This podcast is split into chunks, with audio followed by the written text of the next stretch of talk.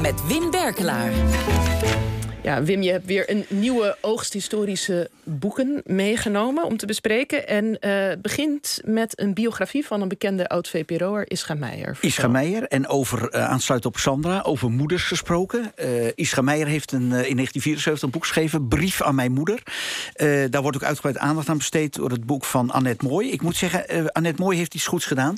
Evelien Gans, Weile Evelien Gans, zou een dubbelbiografie schrijven. Hij heeft een prachtig eerste deel van Jaap en Ischa geschreven. Maar maar uh, Annette Mooi die vroeg aan uitgeverij Spijkers van... Ehm, Komt dat boek nog? Komt er nog een, boek, een biografie over uh, Ischa? Want daar wachten wij allemaal op. En toen heeft ze de keuze gemaakt, wat ik een verstandige vind. Uh, in Alles gaat op vroeger terug, zo heet het boek. Uh, ik kies alleen, zei ze, Ischa. Maar, en dat is het goede van het boek... ook als je spreekt over Ischa Meijer... dan gaat inderdaad alles op vroeger terug. En wat is vroeger? Jaap, en, Jaap Meijer en Lies Voet, dat zijn de ouders van Ischa. Die hebben in Bergen-Belsen gezeten.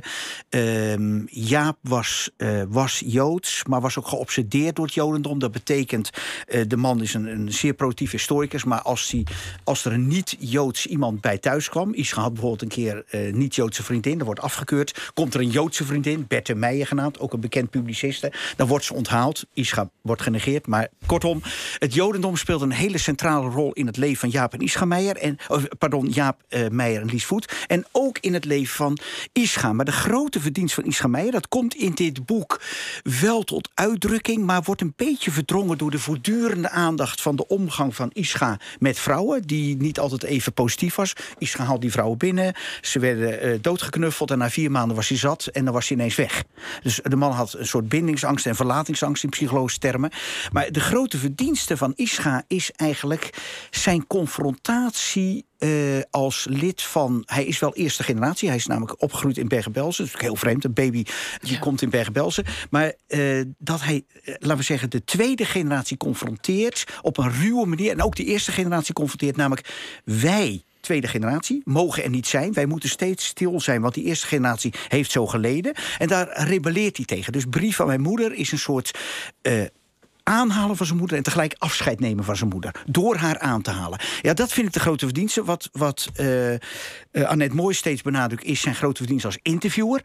Dat is waar. Het is een bijzonder interviewer, maar goed, er waren er meer. Ik denk aan Bibeb van Vrij Nederland. Uh, Lamper Zoutberg was ook een grote interviewster. Maar ik vind volgens mij zijn grote verdienste in dat boek... Alles gaat op vroeger, vroeger terug... is dat deze man zo dat jodendom thematiseert... en die pijn van die Tweede Wereldoorlog... ja, dat maakt het, uh, dat maakt het echt goed, vind ik. En belangrijk dat het boek er is. Ja, wat, nou ja, je kent Ischa Meijer duidelijk goed. Uh, is, is, het, is jouw beeld nou nog veranderd? Heeft het nou op een gegeven moment nog... Uh, heeft het je beeld aangevuld of toen kantelde dit boek? Nou ja, wat het, nou, het, wat het aanvulde was natuurlijk die voortdurende relatie met vrouwen. Kijk, je weet, Connie Palme heeft een boek geschreven geschreven, haar, haar uh, grote liefdesportret IM van uh, Ischa. Maar je denkt wel als je het boek leest, ongetwijfeld een grote liefde geweest, maar het was wel een van vele. En ja, het, het, de getourmenteerde figuur die je altijd al zag, de lastpost, uh, de ingewikkelde figuur, ja, die krijgt gewoon invulling, nadere invulling. Iets te veel, nogmaals, door al die vrouwen die erin zitten. Maar er zit ook wel echt goed in, wat ik net zei, die tweede generatie problematiek, waar hij echt, ja. waar die geweldig werk voor heeft gedaan, denk ik tweede boek, Fout Volk. Ja, nou ja, kijk, dit, kijk Meijer is natuurlijk een van de mensen die getekend is door die oorlog, net als zijn, uh, zijn uh, ouders. Tweede boek is uh, de biografie van Willy Lakers, ceremoniemeester van de dood, door Sietse van de Zee, de journalist, oud-hoofdredacteur oh, van oh, ik dacht, ik dacht dat je naar Fout Volk ging. Oh, dus sorry. Voor de, voor de, oh. Maakt niet uit hoor, maar nee, voor de mensen dat ik denk dat ik gewoon Fout Volk aan het, uit het niks nee, aan nee, nee. Nee, nee, dat kunnen we ook doen. Ja, uh, ja, wat je wil, maakt niet uit. Nou, ik begin nou even met Willy Lakers. Ja. Uh, omdat Willy Lakers, sorry, dat is, uh, dat is een man, laten we zeggen, één van de vier van Breda. He, je hebt Jozef Cortella, de beul, beul van Amersfoort. Aus de Funte, de man die verantwoordelijk was voor de jodendeportatie. Ehm, en Frans Fischer, die zat in Den Haag, was ook met de jodendeportatie te maken. Dit is een man van de Gestapo, die zat in Amsterdam. Die heeft eigenlijk um, drie grote misdaden op zich geweten. Eén, uh, min of meer 500 uh, verzetsleiders laten executeren. Onder wie de bekende Hannie Schaft. En Hannie Schaft ja. zou, voor wat betreft de leiding van de, van de bezetting in Nederland, niet geëxecuteerd hoeven worden. We hebben het over, uh, laten we zeggen, het voorjaar van 1945. Maar hij stond erop, het gebeurt wel. Was de eerste vrouw, de eerste vrouw in Nederland die geëxecuteerd werd. Lagers, typisch zo'n dienstklopper. Uh, een man waar we eigenlijk door zoiets van, hey, krijgt er niet echt vat op. Ik denk bij, bij Willy Lagers steeds aan Eichmann, Adolf Eichmann. Dat zijn mensen van het middenkader die eigenlijk een ongelooflijk belangrijke rol hebben gespeeld bij uh, in het geval van Lagers uh, het executeren van verzetstrijders. B. deporteren van Joden. Drie, de Silbertannenmoorden. De Silbertannenmoorden moet even uitgelegd worden voor de luisteraar. Dat is een soort wraakoefening van de Duitsers op allerlei anti-Duits gezinde publicisten en intellectuelen. Bijvoorbeeld schrijver A.M. de Jong van Marijntje Gijzen.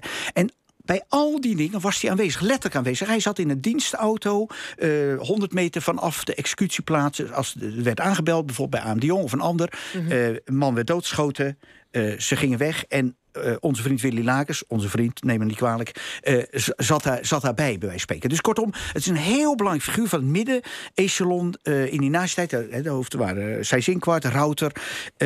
belangrijk dat iets van de het doet. het enige is, wat ik al zei, helemaal vat krijg je niet op, uh, krijgt Van der Zee niet op uh, hem. Terwijl hij tegelijkertijd allerlei affaires heeft. Dus hij heeft ook allerlei vrouwenaffaires, uh, drinkgelagen. Dus je denkt, iets meer kleur had de man kunnen hebben. Maar hij ziet, ja, hij. hij hij staat op de foto er zo bij. Zo'n zo'n droge... Een, een stijve man in stijf, uniform. Precies, stijf, dat is het goede woord. Stijf uh, geportretteerd. En dat blijft het ook. Maar nogmaals, heel belangrijk, essentieel dat het boek er is. Want het uh, kleurt ons uh, beeld van die uh, nazi-tijd heel goed. Oké, dan gaan we nu naar het boek Fout Volk. Ja, Fout Volk, dat is, uh, dat, uh, dat is als titel... dat is geschreven door twee historici, Jan-Jaap van den Berg en Jan de Roos. Dat heeft als uh, titel Fout Volk, roof, verraad en repressie... in Haarlem en omgeving. Omgeving is Bloemendaal, Heemstede, Zandvoort. Dus het, neemt iets breder bereik. Waarom heb ik dit gekozen? Het is bij een kleine Haarlemse uitgeverij... overigens wel prachtig verzorgd uitgegeven... Ehm, uh, waarom heb ik dit gekozen? Omdat dit heel goed laat zien um, wat, wat die collaboratie en uh, het profijt trekken was in, in deze sfeer. Kijk, over Haarlem, 700 jaar Haarlem, is al een boek geschreven. Dus daar zit ook een hoofdstuk over de oorlog in. Maar wat, hij, wat, wat deze jongens laten zien, die laten heel systematisch zien hoe was de politie daar? Hoe was het bestuur? Hoe, was, hoe waren de NSB'ers? Maar het belangrijkste is wat waren en hoe waren de profiteurs? Die profiteurs, dat is ook. Dat, dat, ja, weet je, als je dat leest, dan heb je het gevoel. dit zou dus over nu geschreven worden, kunnen worden. Wat betekent dat? Uh, die profiteurs, dat waren helemaal geen NSB'ers. Uh, hij, zij geven een heel. dat is het meest uitgebreide in dat hoofdstuk over profiteurs. Dat is een Reinier van Kranenburg. Die man is 67, uh, gerespecteerd notaris van katholieke komaf, geen nazi. En die man heeft 200, 220 Joodse huizen gewoon verhandeld. Die werden eerst leeggeroofd. En hij maakt er profijt van heeft daar ook duizenden guldens aan verdiend. Uh, is na de oorlog niet echt hard aangepakt. Terwijl je denkt, ik zei net over Willy Lakers was een radertje in het nasysteem. Dat was echt een bewust raadje. Maar dit zijn dus mhm. die onbewuste radertjes in een, in een systeem van kwaad. Dus ja. eigenlijk, eigenlijk, eh, Julie, is dit een boek over het kwaad in Nederland. En dan gespecificeerd op Haarlem. Ja, want is, is Haarlem dan, uh, tot slot, is dat nou typisch dan? Of is het in zekere zin, is het, is, is het een goed beeld van hoe het in heel Nederland ging? Of was het ook uitzonderlijk? Nee, dat is een goede vraag. Nou kijk, uh, ik denk dat dit een uh, studie is die navolging verdient. Ik weet niet of dit helemaal representatief is voor alles. dat zou nog navolging verdienen. Ik denk ook dat dat gaat komen, dat er meer studies zullen volgen. nog één ding in dit verband. Haarlem was ook een grote stad in die tijd. Groter dan het nu is. Dus relatief 9 miljoen Nederlanders, 170.000 Haarlemmers. Dus het is een belangrijke studie maar nogmaals, of het representatief is, durf ik nog niet te zeggen. Ik zou zeggen, laat uh, iedereen van den Berg en uh, de Roos aanvullen met dit boek. Ja. En dan heb ik tot slot, mm -hmm. heb ik tot slot nog iets buiten de orde. Heb ik gelukkig van tevoren even tegen jou gezegd. We hebben een oud collega, Hans Oling, biograaf onder meer van uh, Aden Dolaert en Nico Rost, een uh, links uh, geavanceerde intellectueel. Daar is een bundeling van stukken uit het voortreffelijke tijdschrift De Parelduiker van ehm, de zoon van Lubberhuizen, ik ben even zijn voornaam kwijt. Uh, Berlijn en omstreken. Dat is een verzameling stukken over onder meer mensen die zwierven rond Berlijn. Kijk, over, over.